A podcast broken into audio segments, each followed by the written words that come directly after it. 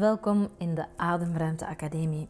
Een plaats waar je he, he, even op adem komt. Want wij hollen van ochtend tot avond, van her naar der, van hot naar her. En heel vaak ja, hollen we onszelf voorbij en soms ook te pletter. En de Ademruimte Academie wil u inspireren, motiveren, ondersteunen, begeleiden om geregeld een adempauze te nemen. Mijn naam is Veerle Dobbelaren en ik help u heel graag. Als je na het beluisteren van de podcast zegt, oh, ik heb wel goesting om wat meer uh, op adem te komen, wat ademsteun nodig, dan neem gerust een kijkje op onze website waar wij heel laagdrempelige, toegankelijke programma's aanbieden, want ik geloof dat ademruimte voor iedereen is. Geniet ervan.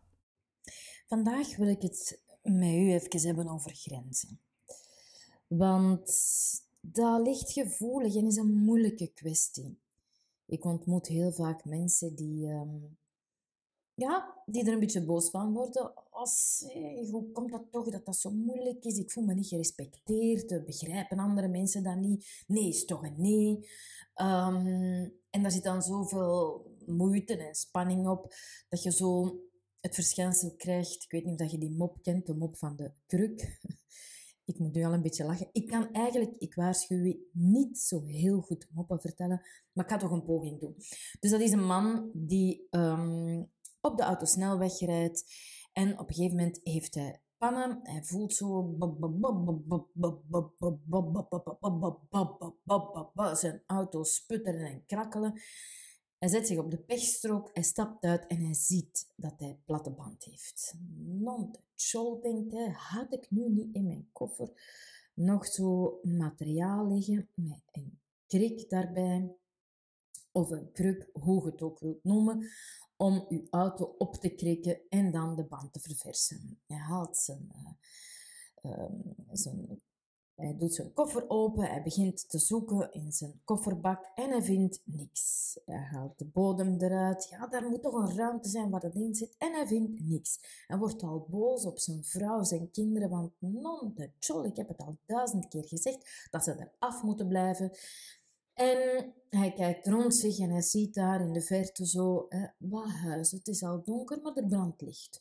Dus hij kruipt over de berm door het gras en hij begint te wandelen. En terwijl hij begint te wandelen, denkt hij, ja, goh, eigenlijk toch een beetje een rare vraag, hè, waar ik mensen mee ga lastigvallen.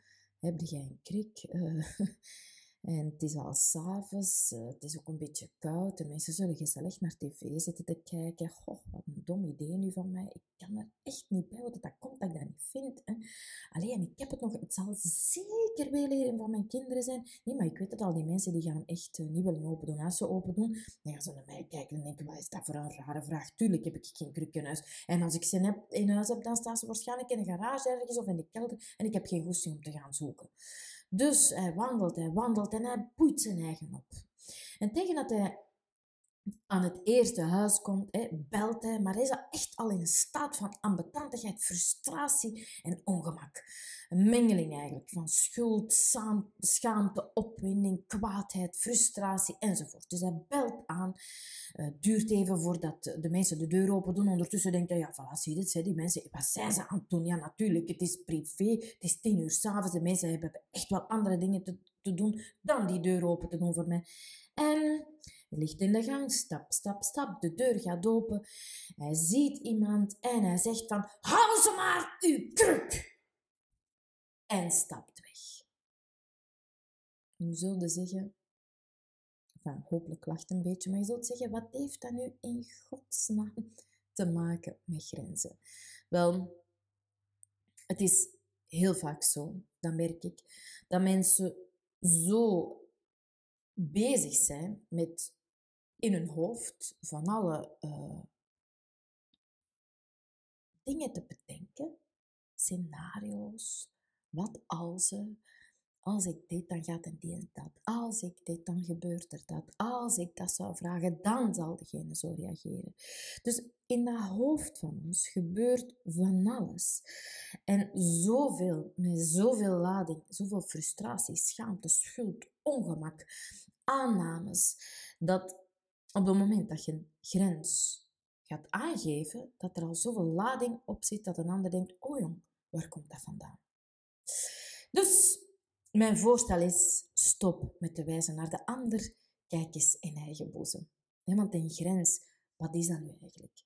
Dat is een scheidingslijn tussen iets wat je wel kunt of niet kunt, wat je wel wilt of niet, niet wilt, wat je, wat, wat je kunt, hè, wat je mogelijkheden zijn of niet meer binnen je mogelijkheden, wat je emotioneel aan kunt, wat je fysiek aan kunt of niet aan kunt, waar je tijd in moet steken of eigenlijk geen tijd in moet steken, waar je energie van krijgt en waar je geen energie van krijgt. En dus eigenlijk is de gemene noemer jij.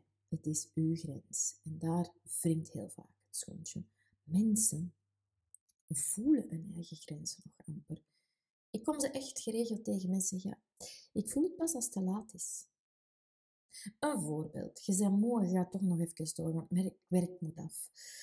Eigenlijk zit je voldaan en toch neemt je nog wat extra eten, want je kunt echt niks laten liggen. Dat is zonde, dan moet het weggooien. Je weet dat je eigenlijk moe bent, je hebt behoefte aan wat meer slaap. Maar ja, het is zo'n schone film en, en, je kunt niet stoppen met kijken. Mm, je hebt dorst, maar je bent nu bezig en je neemt geen drinken. Je weet dat het belangrijk is om, voor jezelf te zorgen en toch doe het niet. Je hebt ontspanning nodig. Maar ja, je bent op vakantie en er zijn van alle uitstappen gepland. Dus je gaat maar mee je hebt behoefte aan duidelijkheid, want je begrijpt eigenlijk niet heel goed wat de ander wil zeggen en toch vraagt het niet. En hier is de grens, de behoefte al duidelijk, maar soms voelt je het niet. Dus stap 1 is jij leren voelen. Leren voelen wat jij nodig hebt. Leren voelen wanneer dat je lichaam een behoefte heeft, hè? te veel of te weinig. Want daar gaat het over, hè? te veel of te weinig. Te veel inspanning te weinig inspanning. Ja, je kunt ook te weinig inspannen. Uw geest heeft te veel of te weinig inspanning. Emotioneel te veel of te weinig. Dus je gaat over je eigen grenzen. Wanneer dat jij niet geeft aan je lichaam en je geest wat ze nodig hebben. Of wanneer dat je dat te veel geeft. In beide gevallen is de grens gepasseerd. Dus ik stel voor dat alvorens dat je roept aan een ander, nee, ik heb toch nee gezegd, omdat je in je hoofd van alles, van alles scenario's aan het bedenken bent, dat je even geregeld een moment neemt om heel bewust je eigen grenzen te voelen. Voel ik mijn eigen nu? Want je grenzen overschrijden, zowel op fysiek, mentaal als emotioneel vlak, heeft een aantal negatieve gevoelens. Dat kan gaan van de zachtere dingen, een beetje geïrriteerd zijn, een beetje moe zijn, een beetje overspannen zijn, een beetje eh, klachten in uw nek, hè, tot eh, hou uw kruk maar roepen. Dus hoe voelt het bij u? Wat heb jij nodig? En begin dan eens met daar zelf naar te luisteren en dat zelf te respecteren. Geniet ervan. Ah, en als je nu zegt, ja, Veerle, dat vind ik toch moeilijker dan dat ik denk, dan kan ik u er natuurlijk mee helpen. De Ademruimte Academie investeert in meer welzijn en dus een van de thema's waar wij werken is grenzen. Neem een kijkje op onze website en uh, klop eens aan onze deur. En als je het niet vindt, dan mag je aanbellen. Wij komen vriendelijk open doen.